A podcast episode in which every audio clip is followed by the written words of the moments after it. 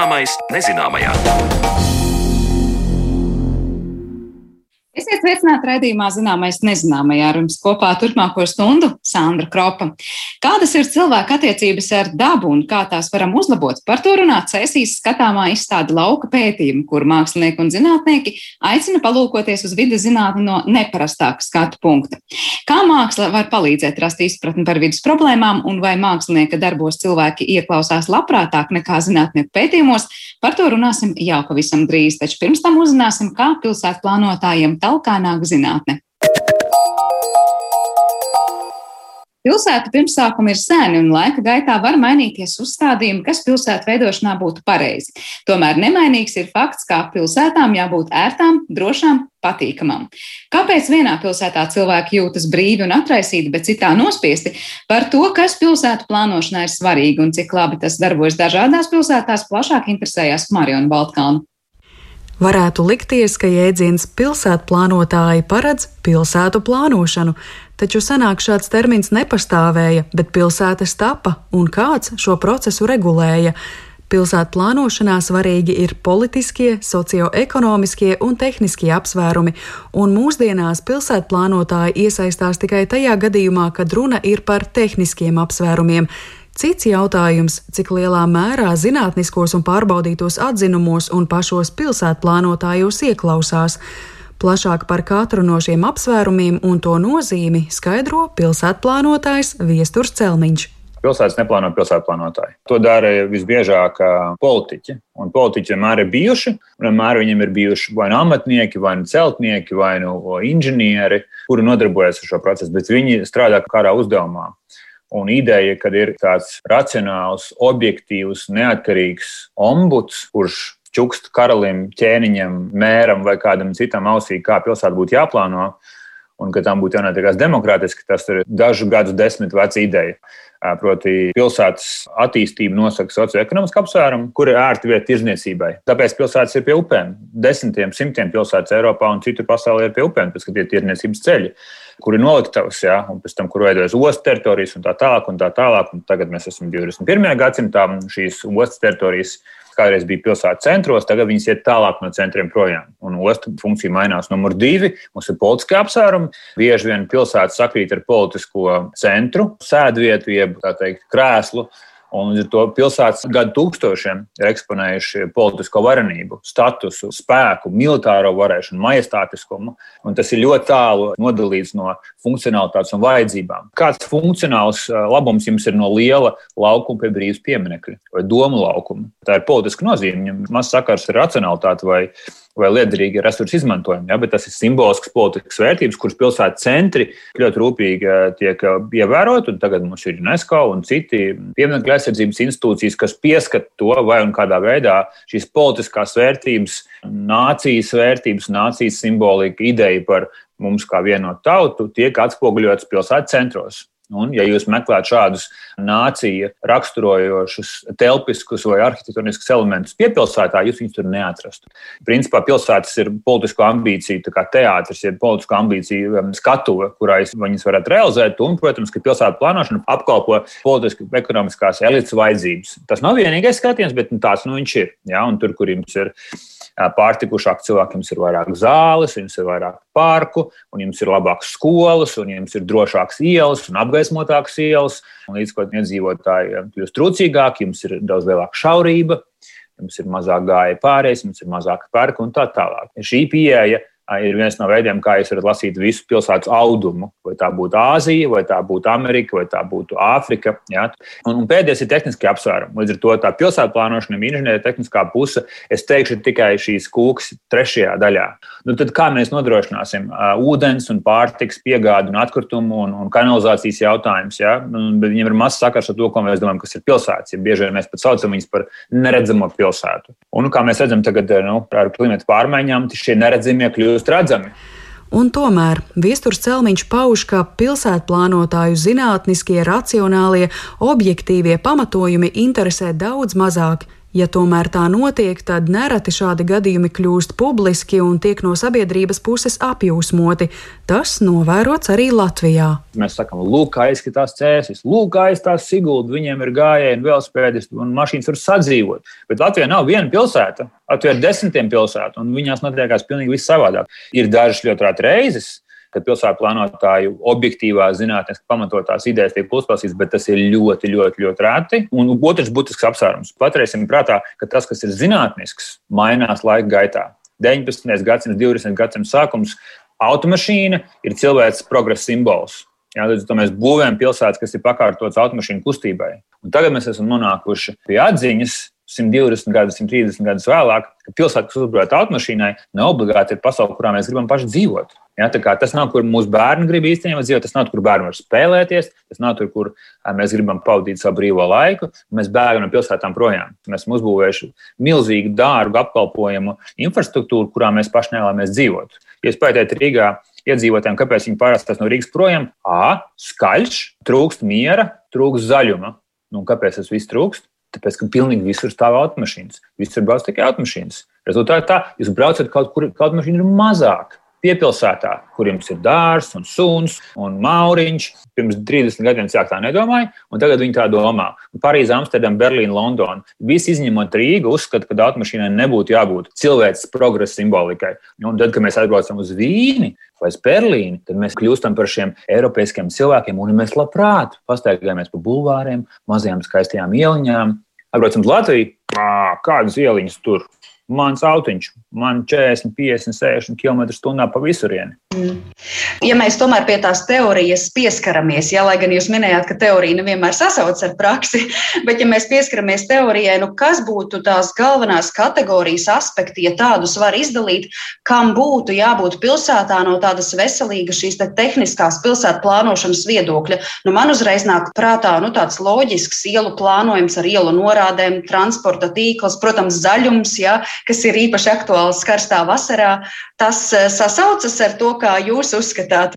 Jā, un es gribētu atkārtot vēlreiz šo ideju, ka tas, kas ir loģisks, tas, kas ir racionāls un zinātnisks, mainās. Mums bija ideja par modernismu, deviņas stāvēkas, 7 stāvēkas, 12 stāvēkas un tā tālāk, un liela, liela pagalma. Tā kā mēs zinām, ka mēs atrodamies uz Zeltūra vai Zimantu, jā, ideja par cilvēku mērogu ir ļoti nopietni mainījusies. Ar to, kā izstāsta parks Rīgas vēsturiskajā centrā, kas ir teiksim, vairākus gadsimtus vecs, un kā izstāsta parks un tāpat mājokļu kombinācija daudz dzīvokļiem rajonos divas pilnīgi atšķirīgas pieejas par to, ka cilvēkam ir nepieciešama zaļā teritorija pie mājas. Bet idejas par to, kas ir cilvēkam ērts, omulīgs un patīkams, fundamentāli atšķirās 50 gadu griezumā. Līdz ar to vienkārši paturam to prātā, tad, kad mēs sakām, kas ir zinātnisks objektīvs šodien, tas būs, nu, gurīgi sakot, visdrīzāk baltiem diegiem šūts mūsu bērnu acīs.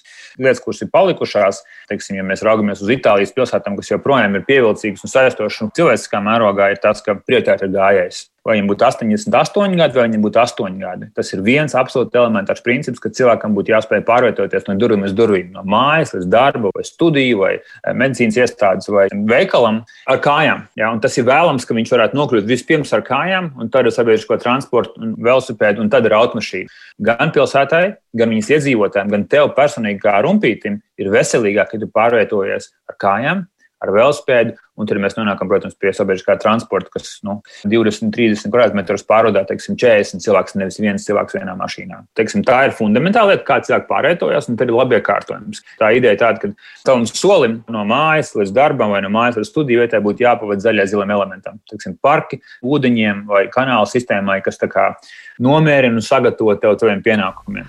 Nenoliedzami pārmaiņu radīšana un nepopulāri lēmumi organizēt transportu balstoties uz velosatiksmi arī pilsētās citviet pasaulē ir sākotnēji piedzīvojusi pretreakciju, piemēram, Amsterdamā vai Kopenhāgenā.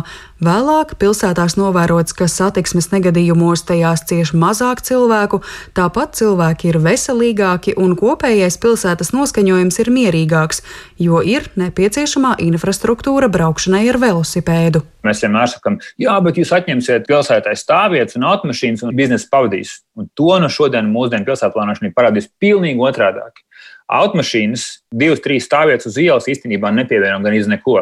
Ieliekat tajās četrās, piecās stāvvietās terasi un padomājiet, cik šī kafejnīca nopelnīs ar terasi. Nevis tur, nezinu, 8 eiro stundā, kas samaksās par automašīnu, tur, kas tur stāv 5 vai 6 stundas. Vienkārši padomājiet ekonomiski. Un ir pilsētu mēri un pilsētu vadītāji, kur ierauga šo no, teiksim, klasiskās pilsētu plānošanas ekonomisko rentabilitāti. Jo galvenais paturam prātā, mēs pilsētās vairs neko neražojam. Pār 70% no Latvijas ir pakalpojumu ekonomika. Nu, tad lūdzu, kur tad tie pakalpojumi notiksies? Mums nav nekādas manufaktūras vai pilsētas centros, kur cilvēki 16 stundas strādā melnām butēm. Ja? Nu, tā jau vairs nav realitāte. Tomēr liels darbs būtu veicams arī pašiem pilsētplānotājiem, lai cilvēkiem paskaidrotu, kāpēc vienas vai otras izmaiņas un uzlabojumi būtu izdevīgas pilsētai ekonomiski.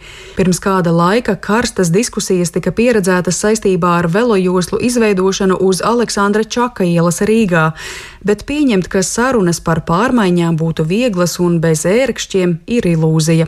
Viesturs Celmiņš atgādina, ka lēmumi par velojoslām ir politiska izšķiršanās, jo risinājumi par ērtu pilsētvidi jau sen ir zināmi, Tieši tāda pati politiska izšķiršanās ir akustiskā koncertzāle Rīgā, kur pēc pilsētplānotāja domām joprojām jūtama vēlme pēc simboliskas statusu un tā saucamo aha efektu apliecinošas būves, ne tik daudz ēkas, kurā cilvēki vienkārši varētu klausīties mūziku. Nu, kāpēc mums ir stabiņi? Kāpēc mums ir velojoslas, ja, kas ir vienkārši kļuvusi par stabiņu geitu un kļuvusi jau vienkārši par jautājumu, ko vairs nevar pacelt augšā, kas ir ļoti žēl. Mēs esam palaiduši iespēju garām pastāstīt, kāpēc nu, teiksim, šis simbols ir, ir kļuvis par lamu vārdu.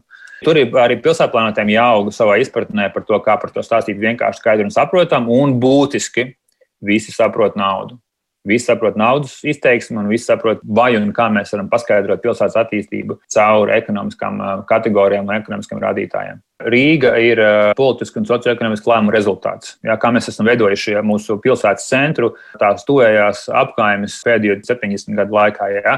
Un ir lietas, ko mēs esam pamanījušies nesabojāt. Jā, mūsu bulvāra lokus, mūsu vecrīga. Tad, kad tu pasaki Rīgā, kur ir centrs, cilvēki ļoti labi zina, ko nozīmē centrs. Tad, kad tu pasaki Viļņā, kas ir centrs, tas ir kā kuram. Tas, kas man liekas ir būtiski, gal beigās vai nu kādā veidā mēs pārveidojamies pilsētā. Mēs esam nu, gadus 10 vai 12 runājuši par to, ka Rīgas pilsētā sabiedriskais transports ir mugurkauls transportam. Un mēs zinām, ka tā nav taisnība. Tad, kad iekāp iekšā autobusā, tramvajā, tu nenokļūsi savā galamērķī visātrāk ar sabiedrisko transportu. Ja tas ir mugurkauls, tad tam būtu jābūt ātrākam. Jā? Vai tu esi turīgs, vai tu esi mazāk turīgs, tu nonāc savā gal, galamērķī visātrāk, un visērtāk, un, un visdrošāk un vis, viskomfortablāk. Jā? Tā nav realitāte. Mēs neesam spējuši to darīt. Un es nezinu nevienu rietumu pasaules pilsētu, kas būtu spējis attīstīties nevis stagnēt, ja viņi nebūtu sākuši fundamentāli mainīt sabiedriskā transporta kustību. Un jebkurš nopietns mūsdienu uzņēmums, kas nāk kā investors pilsētā iekšā, uz ko viņš pirms skatās divām lietām. Vai šajā pilsētā ir talantīgi cilvēki, nu, tas ir talantu lokus, jeb darba spēka, darba rokas. Otrs jautājums, kā šīs darba rokas pārvietojās. Ja šīs darba rokas pārvietojas ar automašīnu no A uz B, brauc uz darbu, viņš mēs ejam tālāk. Mums neinteresē šī pilsēta, tāpēc, ka es neesmu gatavs maksāt par to, ka man darbinieki pārvietojās korķos 3, 4, 6 stundas nedēļā. Tas nav iespējams. Jā. Pilsētu plānošanai ir jābūt ekonomiskai, un automašīnas nav ekonomiskas. Tas ir 5, 6 stundas nedēļā, kurās mēs sēžam pie stūres, katrs savam automašīnai. Tā nav efektīva pilsētu plānošana, tā nav efektīva ekonomika. Un lielie investori, kas pasaulē ir, viņi to ļoti labi saprot.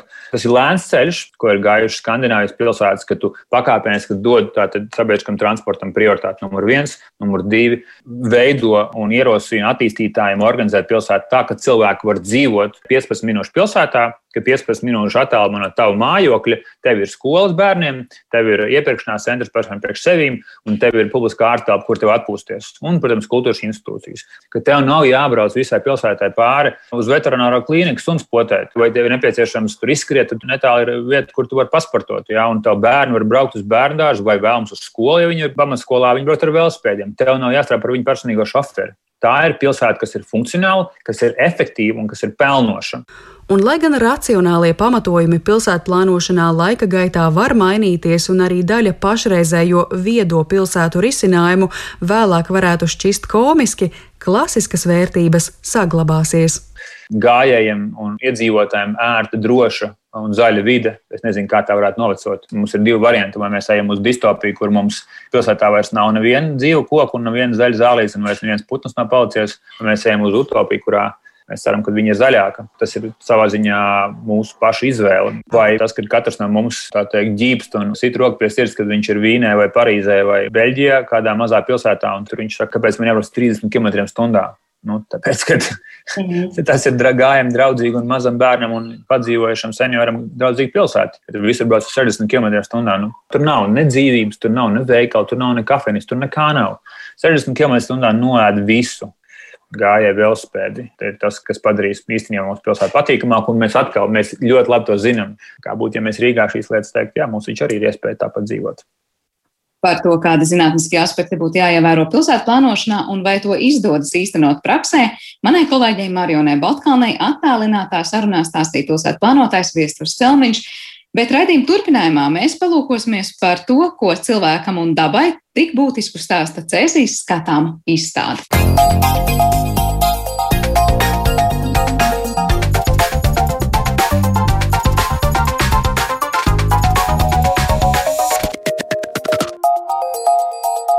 Zināmais nezināmajā.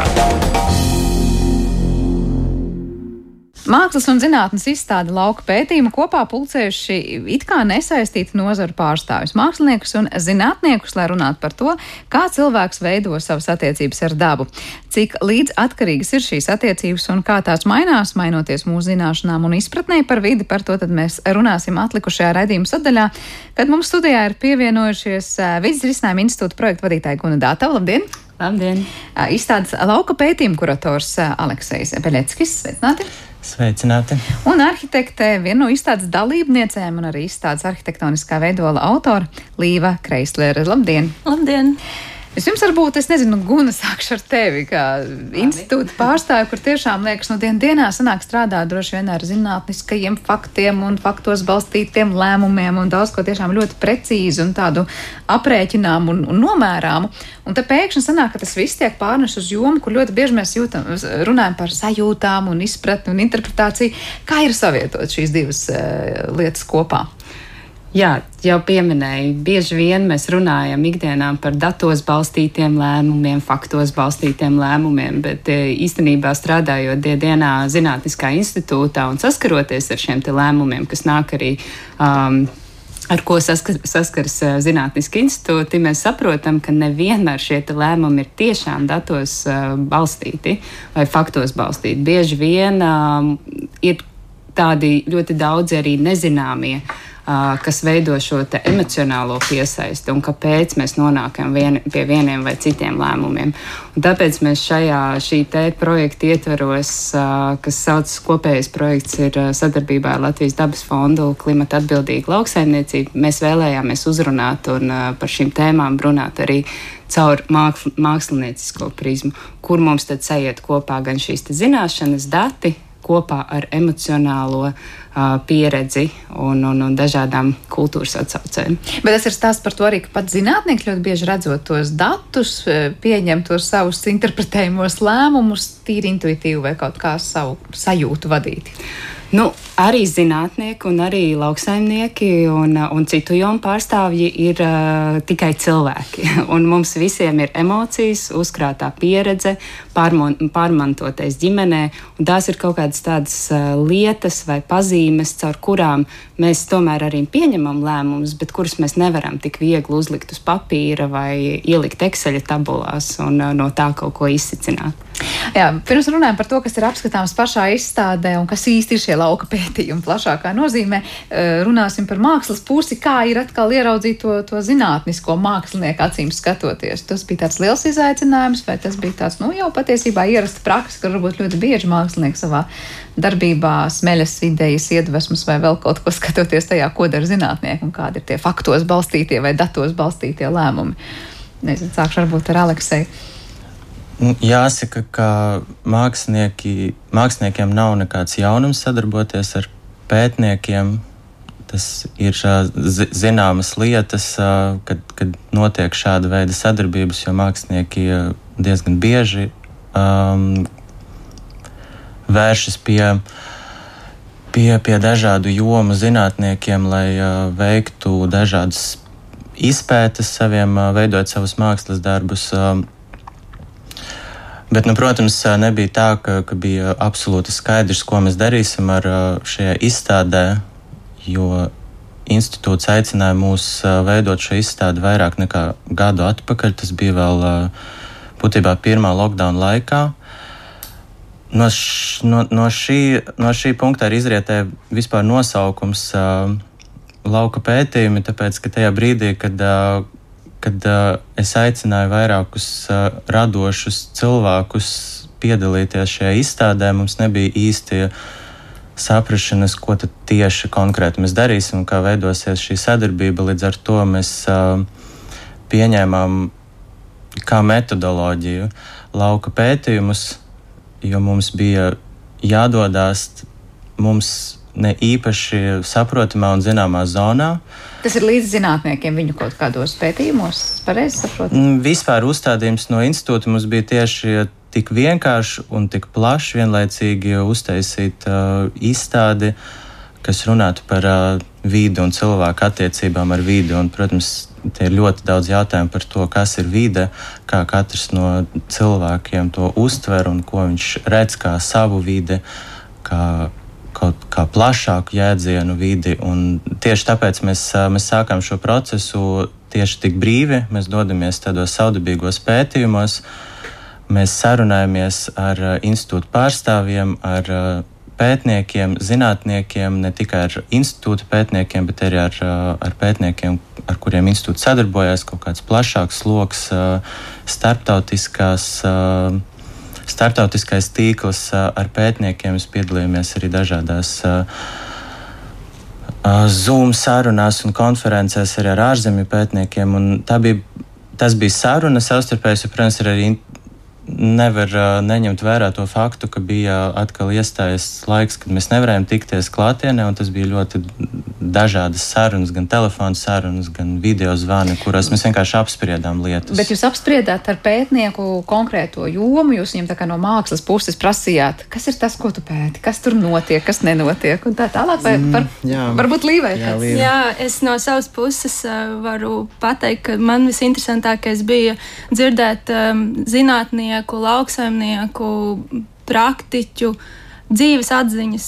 Cilvēki, kas nodarbojas pilnīgi citā zonā nekā es ikdienā, un viņiem ir šis lielais, schematiskais un zinātnē balstītais darbs, ar ko viņi nodarbojas ikdienā, taču viņiem no tā izriet arī kaut kādas viņu individuālās dzīves atziņas un viņu ikdienas prakses. Un viņu um, kaut kādas samilzušās problēmas, kuras viņi mēģina arī mums kaut kādā veidā uh, pastāstīt, lai mēs varbūt varētu to komunicēt tālāk. Jo ir daudz lietas, kuras um, um, apstājas uh, datos, un viņas grūti ir komunicēt uh, um, ierastajā veidā, un tāpēc ir svarīgi, ka um, varbūt mēs tik. Nu, Varbūt ne visi, daži varbūt strādāja vairāk arī ar uh, kaut kādiem konkrētākiem datiem, bet man ļoti interesē tieši um, tādas eh, globālās, eh, viņuprāt, lielās problēmas, par kurām vajadzētu runāt, kuras vajadzētu izcelt. Bet kuras bija tās, par kurām liekas, nu, tie ir dati, par kuriem grūti komunicēt? Nu, varbūt ir kāds piemērs, kas pārtapa pēc tam kaut kādā mākslas darbā vai kā. Jā, nu man visinteresantākais noteikti bija strādāt um, vai interesēties par kartēm un par kartēšanu, jo es pati arī esmu urbānists pēc izglītības, un, un tāpēc es caur kartēm vislabāk izprotu pasauli, un arī kartēšana man liekas ļoti svarīga. Vienmēr uzzīmēt visu, kas jau ir, un tad pēc iespējas skatīties, ko ar to var darīt tālāk. Un, un pēc iespējas ilgāk kavēt, aizkavēties kaut kādu vīziju veidošanā, respektīvi. Um, tad, kad mēs skatāmies uz kartēm, mēs uh, redzam daž, dažādas nevienlīdzības uz pasaules. Mēs redzam dažādas um, um, trūkumus uh, gan organizācijā, gan um, um, kaut kādas klimata pārmaiņas mēs varam redzēt kartēs. Un uh, tādā veidā patiesībā mēs varam arī sākt domāt par uh, to, vīziju vai stratēģiju, kur mēs vispār vēlamies doties. Jo kartes komunicē ļoti daudzas uh, lietas. Mēs varam uh, likt kopā gan uh, um, skaņu, gan um, CO2 izmešus, gan um, dažna, dažādas programmas, kas īsti notiek noteiktajās vietās. Um, tikpat uh, interesanti ir likt pēc tam datus par iedzīvotāju blīvumu, un, uh, tautībām un vecumu. Un, uh, tad rodas ļoti interesanti izpratne par sabiedrības procesiem. Uh, un tad no tā var izrietēt dažna dažādas. Uh, jaunas idejas vai vismaz kaut kādas atziņas vai stāsti, par kuriem gribas runāt. Tas tā ļoti interesanti. Tiešām liekas, salikt tagad CO2 izmešus ar uh, vēl visu kaut ko kopā, kaut kādā kartē, bet no otras puses liekas tā, nu, ar ko tas atšķirās, kamēr mēs runājam par kaut kādu ļoti interesantu datu atlasi un to karšu veidošanu. Uh, vai darbu ar datubāzēm un mākslas darbu, kas tālāk ir tapis no šīm kartēm konkrētajā izstādē.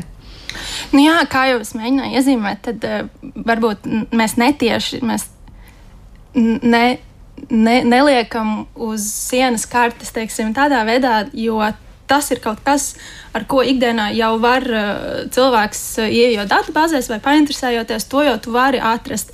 Jautājums ir, kā mēs. Um, um, tulkojam šīs kartes un kā viņas pēc tam nonāk mākslas darbā, kas vispār nav saistīts ar kartēm, ar papīru, pat ne ar vektoriem. Varbūt tā ir dēļa, varbūt tā ir dzēja uh, vai um, uh, kaut kāda kartēšana, teiksim, caur um, rokdarbiem vai kartēšana, piemēram, meklējot uh, kaut kādu veidu darba rīkus. Um, un, un, un atkal meklējot, kā, kā mēs kā mākslinieki varam mm, brīvi Eh, darboties tajā zinātniskajā jomā. Savā ziņā, tiksim, es darbojos ļoti daudz arī ar kartēšanu, tādā veidā, ka um, intervējot cilvēkus un runājot ar cilvēkiem. Tā arī ir savā, savā ziņā kartēšana. Un, uh, un intervijas, un, un citāti un stāsti pēc tam var kļūt par jebko. Jā, tas var būt, tā var būt mūzika, tas var būt, tā var būt grāmata. Šajā izstādē par ko tas ir pārtapis? Varbūt varat ieskicēt vairākus konkrētus nezinu, darbus, vai, vai kas, kas tur ir skatāms. Mm, šajā izstādē tas ir pārtapis, kā jau minēju, Līva gandrīz visā tajā, ko minēja Līva. Mēs aicinājām ļoti dažādus, dažādus māksliniekus. Tas ir pārtapis gan ilustrācijās, gan dzējā, prozā, dējā, instalācijās, performancēs, skaņā, kino. Tas uh, Jā. Bet apmeklētājiem ierodoties, nu, dejā tagad, kas, kas, ir, kas ir tas, kas pavaras viņam? Tas ir kaut kāds skats uz deju, tas ir viņš pats kaut kur piedalās. Gan, gan, gan, gan. mēs veicām eksperimentu ar, ar choreogrāfu apvienību Ieva Krīšu. Um, mēs uh, transformējam viņu izrādi, dēļas izrādi tuvumā tukšums, kas tapa vēl 16. gadā. Un uh, šī izstāde pārtapa par uh, procesuālo performance, kas ilgst 50 dienas izstādes laikā.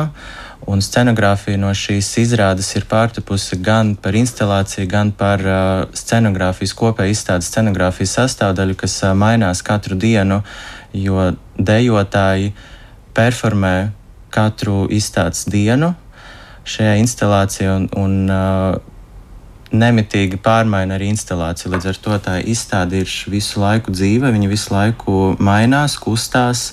Un, un uh, māksliniekiem ir uh, arī ļoti svarīgi nevis. Uh, Viņam ir ļoti svarīgi aicināt vienkārši ieraudzīt sevi, nevis uh, uh, atrast sevi apmeklētājiem. Viņi performē ļoti diskrēti un uh, bieži vien ieejot iekšā, uh, tu nemaz nesaproti, ka, ka, šīs, ka šī ir performance, tu to performanci kaut kādā brīdī vienkārši atklāji.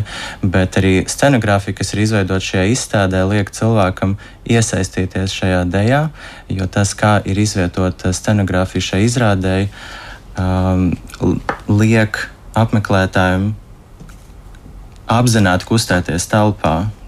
Tur burtiski nav tādu tukšu laukumu, kuros tu vari vienkārši aizmirsties un uh, un iet, uh, iet nedomājot par to, kur tu spēr nākamo soli, kas, protams, arī sasaucās ar, ar izstādes tēmu.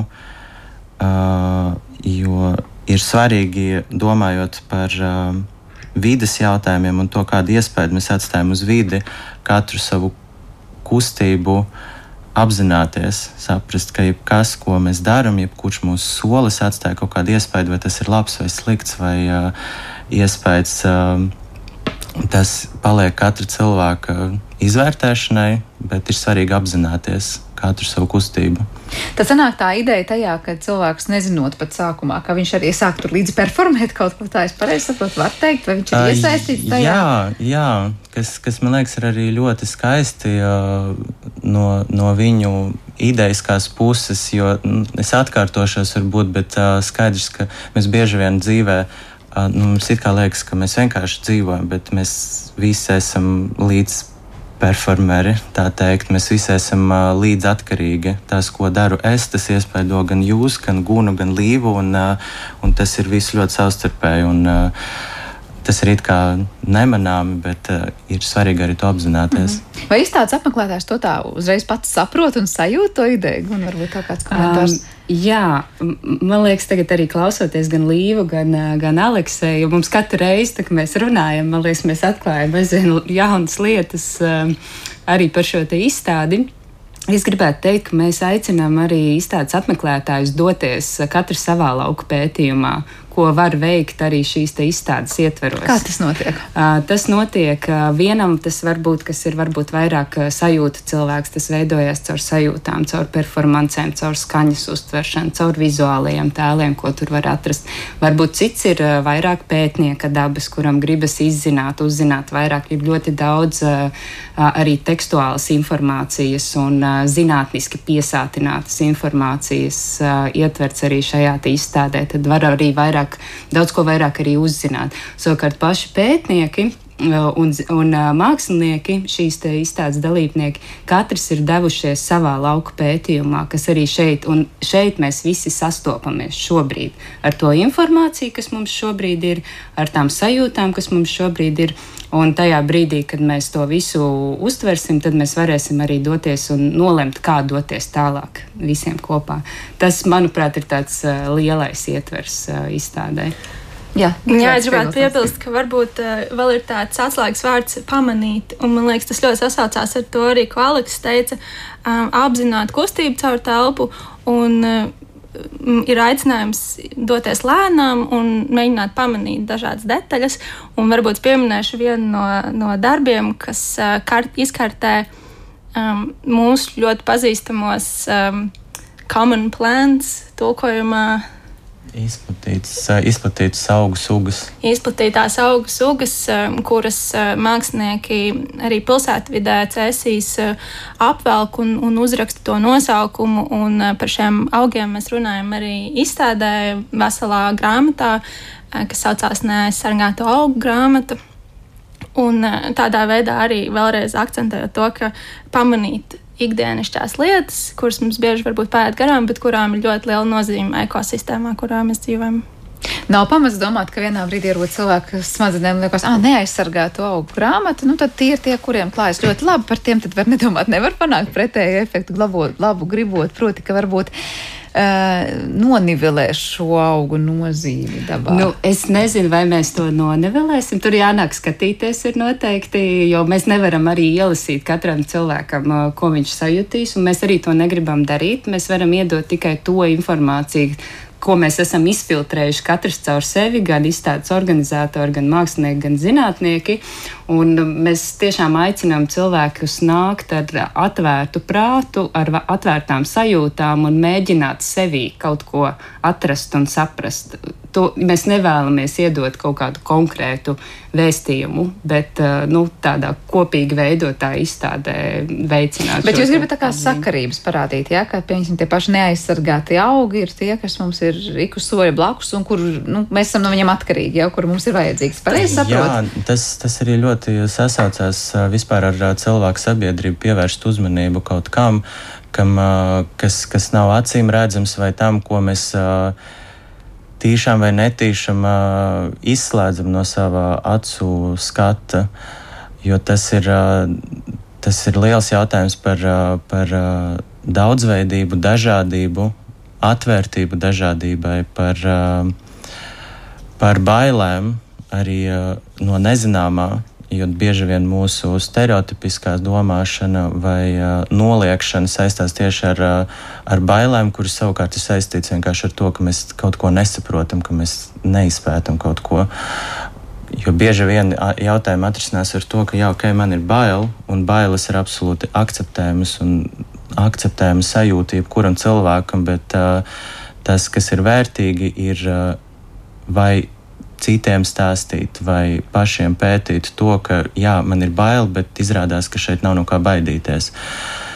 Savukārt, um, nu, pieminētā grāmata ir arī ļoti labs piemērs uh, sadarbībai, daudzveid, da, daudzveidīgai sadarbībai, jo vispār uh, šīs grāmatas pamatā bija lauka pētījumi, kurus iesāka institūts uh, vēl 17. gadā Dagdas novadā pētot uh, izplatītās augu sugas tieši ar mērķi saprast, kas ir tas, ko mums var iedot kaut kas, kas nav aizsargājams, bet kas ir ļoti vērtīgs.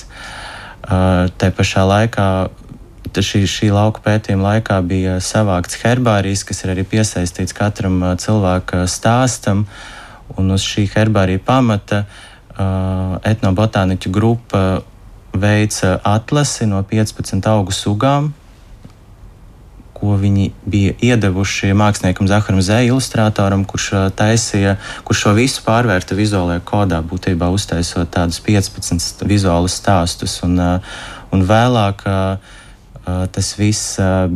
Šīs, šī vizuāla informācija bija nodota dzēniecei Marijai Luizai Meļķei, kas rakstīja savukārt un nelasot pētījumus, kas bija ļoti interesants cikls par to, kā arī šī informācija būtībā atkal no tāda uh, pārvērtās, jo, jo, jo tajā tā pētījuma laikā izveidojas, protams, gan vizuālā informācija, kas ir herbārijas, kur var vizuāli apskatīties, gan ir, protams, tekstuāla informācija, kur dati ir aprakstīti. Un tad tas viss pārvērtās par grāmatu, kur atkal ir vizuāla informācija un teksts, kas ir ilustrācijas un dzēja. Uh, kura pavisam savādākā veidā uzrunā cilvēkus. Tas ir labs piemērs tam, ko mēs, par ko mēs runājam sarunas sākumā, kā var pasniegt burtiski to pašu informāciju, bet pilnīgi citā veidā. Jo arī tas nezināmais ir tas, kādi jutekļi vispār cilvēkam ir, kāpēc mēs ļoti gribējām uztaisīt šo izstādi, kura sanāca arī diezgan introverta savā ziņā. Uh, tieši ar to mērķi, ka cilvēki kaut ko atklāja, dodas pētījumā, tajā izstādē, uz kuru var atgriezties ļoti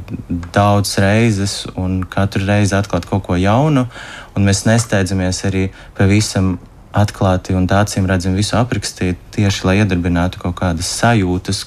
Un jutekļus, kurus, kurus mēs neapzināmies, kas ir it kā nezināmi, bet uh, nezināmi tikai tāpēc, ka mēs nevaram tās sajūtas intelektualizēt un aprakstīt, bet uh, tas viss darbojas. Un tas bija mēģinājums arī atvert šīs kaut ko vairāk, ienākot izstādē un klausoties skaņas ainavu, vai atnākt uz Lindas Bolšakovas instalācijas divām telpām, un, kurās lieka, liekas, ka te taču nekas nenotiek. Bet tas, kas tev ir vajadzīgs, tev vajadzīgs, tev vajag apsēsties vai stāvēt un ilgi vērot, ilgi pētīt šo telpu, un tev atklājās viss, kas tur notiek. Tev atklājās, ka tur notiek uh, tauriņu kūņošanās, tur notiek uh, augi, kas, uh, par kuriem nemitīgi rūpējās uh, gan mākslinieci, gan performanču dalībnieces. Tur ir uh, Tur ir, dažādas, tur ir dažāda veida informācija, kuru man liekas, arī es negribētu šobrīd visu aprakstīt tieši ar mērķi, lai cilvēki atnāk. Bet, uh, tas, ko man gribētos nodot, to vēstījumu par to, ka ir svarīgi atvērties un vērot. Cik ilgi ir jābūt cilvēkam gatavam tur stāvēt un skatīties un vērot, lai nav tā, ka viņš saka, nē, nu es nepamanu, laikam es neesmu tāds tips cilvēks, ej tālāk, uz ko ir jāgatavojas. Nu, tad nav svarīgs laika nogrieznis, katram tas ir savādāk, un arī ir tā, ka ja negribas un tā nav tā, nav tā cilvēka lieta, tad ir. Uh, tad ir jāiet meklēt nākamo, jo šie izstādi arī ir ļoti dažādas lietas, kuras var uzrunāt ļoti dažādus cilvēkus. Tas nebūtu uzstādījums pavadīt tur konkrēti 15 minūtes un at, nu, kaut ko atklāt sev. Uh, drīzāk meklēt, drīzāk meklēt. Bet, uh, Bet katrā ziņā tā ir izstāde, kurā varbūt liekas, sākumā te nekas nenotiek, bet ir vērts pagaidīt un paskatīties un sajust, kas notiek. Ir ieskatīties. Es domāju, ka bez, bez tādiem ļoti konkrētiem mākslas darbiem tas, kas, kas ir fantastisks noticis šajā izstādē, ir arī pati izstādes uzbūve un scenogrāfija, kas ir tieši kā reiz Līves nopelns, jo mēs arī domāju, veidot šo izstādi, gribējām ļoti daudz domājam par ilgspējības jautājumiem, un Līve veidoja uh, maksimālo, ko var izdomāt. Protams, uh, tādu ilgspējīgu scenogrāfiju, kur arī it kā nav manāma, bet pētot to var saprast. Es domāju, ka varētu līvēt. Es nezinu, cik līva var atklāt par to cilvēkiem, kur vēl tur nav bijuši. Kas tur ir sagaidāms, kas ir šis ilgspējīgais scenogrāfijas elements? Jā, droši vien jau cilvēki aizbraucot tur arī varbūt uh, to tā nenolasītu, un uh, tas arī ir ok. Patiesībā ļoti daudz no mākslinieckajām praksēm ir cilvēki individuālās pārliecības prakses, kuras varbūt vienkārši viņi cenšas pēc tam rezultēt vizuāli patīkamos risinājumos. Un tas arī notika izstādē. Bija uzstādījums, ka mēs pēc iespējas vēlētos izmantot esošus materiālus, nebūvēt neko jaunu, ne, nemeklēt um, um, jaunus resursus, neizmantot. Un, uh, mēs centāmies ļoti izmantot visu, kas jau atrodas ēkā, kā arī atrodas tojā apkārtnē. Uh, un, uh, jā, pēc iespējas arī mēģināt uh, sabalansēt um, estētiski. Estētisko valodu, kas atbalstītu māksliniecisko pusi izstādē, tā lai mēs varam komunicēt tās idejas, un uh, mēs varam uh, arī veidot uh, jā, tādu baudījumu vizuālo, un no otras puses reizē arī mēģināt meklēt veidus, kuros brīžos mēs varam un mums vajag uh, atrast pēc iespējas dabai draudzīgāku risinājumu, piemēram, uh, ļoti liels koku materiāla gabals, kas ir ļoti liela vērtība šobrīd. Nesagriezt mazos gabaliņos, nepārzāģēt, nenokrāsot tā, lai pēc tam, kad izstāde beidzas, tad mēs arī varam šos materiālus uzreiz nodot tālāk. Un tas, principā, arī arhitektūras jomā, nu, arhitektūra ir viena no lielākajiem piesārņotājiem pasaulē. Tie paši principi strādā arī tur, kā mēs pēc iespējas varam izmantot materiālus to dabiskajā formā, pēc tam, lai projekts beidzoties, tos var pēc iespējas vieglāk savākt, pārorganizēt un nodot tālāk. Un, manuprāt, tā ir diezgan poetiska ideja, un tas patiesībā radās uh, izstādes uzbūves laikā. Mēs esam tikai tādi kaut kādi viduspunkta turētāji tiem materiāliem. Mēs viņus izmantojam vienā veidā, varbūt nedaudz modificējam, un tad viņi var doties tālāk. Un arī mēs uh, izstādes uzbūves laikā sākām saprast, ka uh, tas, ka mēs izmantojam šo materiālu, nozīmē, ka tas informē ļoti daudz izstādes eh, vispār um, valodā, vizuālajā. Uh, un bija ļoti skaidrs, ka, ka patiesībā tas ļoti labi sasaucās ar, ar ēku kā tādu, kur arī ir nedaudz tādā limbo pozīcijā, ka viņa ir apstājusies renovācijas pusmastā, un ēka nav uh, ideālā stāvoklī. Ēka ir nedaudz um, jā, renovācija ir, ir apstājusies vienā brīdī, bet tas tai dod ļoti daudz interesantu momentu un, un interesantas vietas, ar kurām spēlēties, un kas patiesībā ļoti interesanti tādās nenopulētās vietās. Um, un, un tāpēc es runāju par to pamanīšanu, ka varbūt ir iespējas arī pamanīt, kā mākslinieki un kā mēs mēģinām spēlēties ar kas jau ir un kas ir jauns un kā tas ir pārveidojies un uh, tieši spēlēties ar to nepabeigtību. Un tādā veidā arī izsnot jautājumu par to, cik īstenībā pabeigtām jābūt vietām un lietām mums apkārt, cik ļoti viņām jābūt jaunām vienmēr, uh, vai, vai varbūt var modificēt to, kas tev jau ir, varbūt nav jāpērk obligāti jaunas lietas, vai arī jā, teiksim, domāt par, par vispār apbūvi un, un, un arhitektūru, vai varbūt tiešām nav cilvēkiem vienmēr nepieciešams perfekts remonts. Varbūt tieši ir interesanti un cilvēkiem uh, pietrūkst tādi melnie remonti, nepabeigtie remonti, ka viņi varbūt uh, viņiem nav nepieciešams lustras un nāc dīvains. Un, um, jā, man, man liels prieks, ka arhitektūra un scenogrāfija izstādē var par to diskutēt arī paralēli mākslas darbiem. Es gribēju vēl jautāt, Gunē, varbūt klausoties tagad, liekas, un tur tiešām vidu no visplašākā skatu punkta ir aptverta, bet vai tomēr ir tā, ka ir kaut kādas, nu, ekosistēmas vai dzīvotnes, kuras vairāk ir nonākušas uzmanības logā. lokā. Es domāju, nu, mēs runājam par tiem augiem, vai tās ir pļavas, vai tie ir meži vai purvi, vai kurā virzienā no zinātniskā puses, vidas zinātnes puses skatoties, tur būtu vairāk atrodama. Mm -hmm. uh, kā jau Aleks sākumā minēja, um, mēs devām ļoti plašu uzdevumu cilvēku un vidas attiecības, jo mūsuprāt tas noved pie šiem lēmumiem, kuriem jau mēs sākumā pieskārāmies. Līdz ar to katram māksliniekam bija iespēja uzņemt visu to informāciju. Mēs braucām ciemos pie lauksaimniekiem, mēs runājām ar zinātniekiem un izvēlēties to tēmu, kas ir viņam tuva un uh, doties tajā lauku pētījumā kopā ar uh, piesaistītajiem zinātniekiem. Un uh, ieskicējām jau, lī, ja līvei tas impulss nāca no kartēšanas puses, tad uh, vairākiem uh, māksliniekiem, uh, un, un arī ļoti liela daļa šajā izstādē ir saistīta ar augiem, gan ar ierastajiem augiem, kuriem mēs jau pieskārāmies. Tajā pašā laikā izstādē ir arī atspoguļot ļoti reti augi kurus mēs savukārt institūtā pavairojam, tāpēc ka nu, viņiem ir pieprasījums farmācijā, kosmētikā, bet mēs nedrīkstam vairs viņus ievākt. Ievākt savvaļā. Tad augiem ir ļoti būtiska nozīme. Lindas Bolšakovas darbā savukārt ir runa par mīlestības bioloģiju, kur ir īpaša uzmanība pievērsta nāturu raibenim, un caur to izveidojas arī stāsts par to, ko mēs institūtā darām Mums ir praktiskās entomoloģijas laboratorija, kur mēs savukārt testējam bioloģiskos pesticīdu izstrādi, kas savukārt ir runa un noved mūs tālāk pie lauksaimniecības problēmām. Un visa šī izstāde pēc būtības ir tāda kā ekosistēma par tēmām, kas ir būtiskas šajā, šajā te projektā iesaistītiem cilvēkiem. Es saprotu, ka. Jā. Jā, es vēl gribēju pieskarties, ko Līva teica par to, ka liela dara, daļa no gan ilgspējīgā dizaina izstādē, gan arī tiem mākslas darbiem, kādi viņi ir tapuši, ir saistīti ar katra iesaistītā cilvēka pārliecību. Un no institūta puses man tiešām ir liels prieks par šo, te, um, šo te izstādi, tāpēc ka mums ir izdevies atrast cilvēkus uh, mākslas pusē, uh, kuriem ir kaut kur līdzīga pārliecība un domāšanas veids, kā mēs domājam institūtā.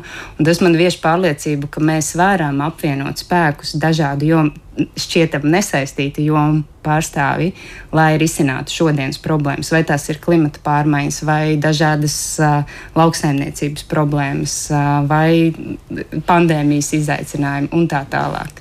Tas ir pārliecības jautājums. Jā. Un šī pārliecība patiesībā dažādajās frontes pusēs, kur mums liekas, ir frontes līnijas jā. novilks, patiesībā ir līdzīgs. Es gribēju prasīt vēl, nu, droši vien, ka Guna vairāk var komentēt, bet droši visi var iesaistīties. Kā uztvēra šos lauka pētījuma interpretācijas rezultātus paši pētnieki un zinātnieki? Vai jums ir atgriezeniskā saite no viņiem? Viņi saka, o, ieraudzījāt kaut ko, ko es pat nebiju aizdomājies, vai pateikt, nu tā nu gan nevar būt. vai kāds ir teicis, o, malečs, tieši gribēju, lai tas parādās tā un ne citādi. Nu, ar daļu no pētniekiem mēs esam bijuši ciešā sadarbībā šajā te, uh, izstādes veidošanā visa procesa laikā, bet mums ir ļoti, ļoti interesants viens uh, moments, kas vēl tikai iznāks. Mēs esam palūguši vienai zinātniecei uzrakstīt uh, recenziju par izstādi. Un, Un, mēs ļoti, ļoti gaidām un gribam zināt, kas tur būs rakstīts. Un tas arī ir tāda um, šķietami neizzināta lauka aptveršana arī no zinātnieku puses. Mm -hmm. Jā. Jums varbūt kas piebilstams par to, kā zinātnieki ir uztvēruši mākslinieku interpretācijas un izpratni par to, kas ir lauka pētījums. Kā ir uztvēruši, man grūti atbildēt. Tas ir tikai mans novērojums procesā. Man liekas, ka mm, man, man gribas ticēt, ka tas uh, bija savstarpēji uh, bagātinošs process, jo es arī veidojot koncepciju, izstādēs daudz lūdzu atbildēt uz dažādiem jautājumiem, kas bija arī tīri rakstveidā. Un, uh, kādas, jo, jo es saprotu, ka es varu uzdot jautājumus no malas, kas ir pilnīgi varbūt ārpus kaut kāda tāda ikdienas, ikdienas domām.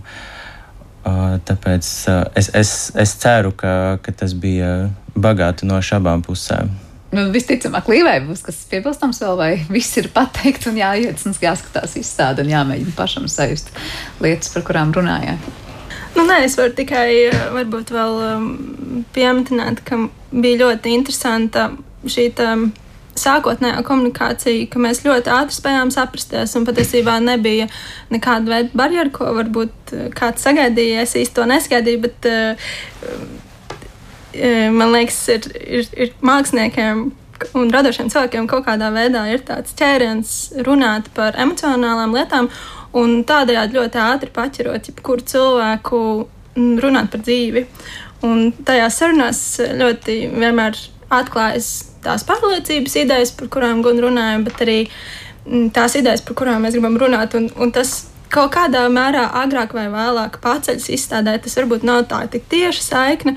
Un tāpēc man šķiet, arī cilvēki tur nākot un, un esot izstādē, varbūt kaut ko pirmajā brīdī nesapratīs, bet uh, māksla ir komunikācija un kaut kādā veidā māksla uh, nevar būt tajā pašā brīdī, bet vēlāk viņa ir kaut ko tev nokomunicējusi emocionālā līmenī, un uh, varbūt pat, ja tev kaut kas sa satrauc vai sadusmo, tas arī ir ļoti labi, jo mēs esam kaut kādas emocijas nokomunicējuši, un tāpēc man liekas, tajā emociju līmenī tā atgriezniskā saite man šeit ir bijusi arī priekš māksliniekiem. Un, Jā, un cerams, arī priekšskatītājiem. Jā, nu to skatīsimies jau izstādē līdz 31. augustam apskatām cēsīs. Nu, ko liels jums paldies par uh, sarunu. Dzirdējām vidus risinājuma institūta projektu vadītāju Gundātavu, izstādes lauku pētījumu kuratoru Alekseju Beļecki, kā arī arhitektu un vienu no izstādes dalībniecēm un izstādes arhitektoniskā veidola autoriem Līvu Kreisleru šodien pie mums raidījuma zināmais nezināmajā studijā. Teikšu jums visiem paldies arī par klausīšanos un uz tikšanos rīt. Vislabāk!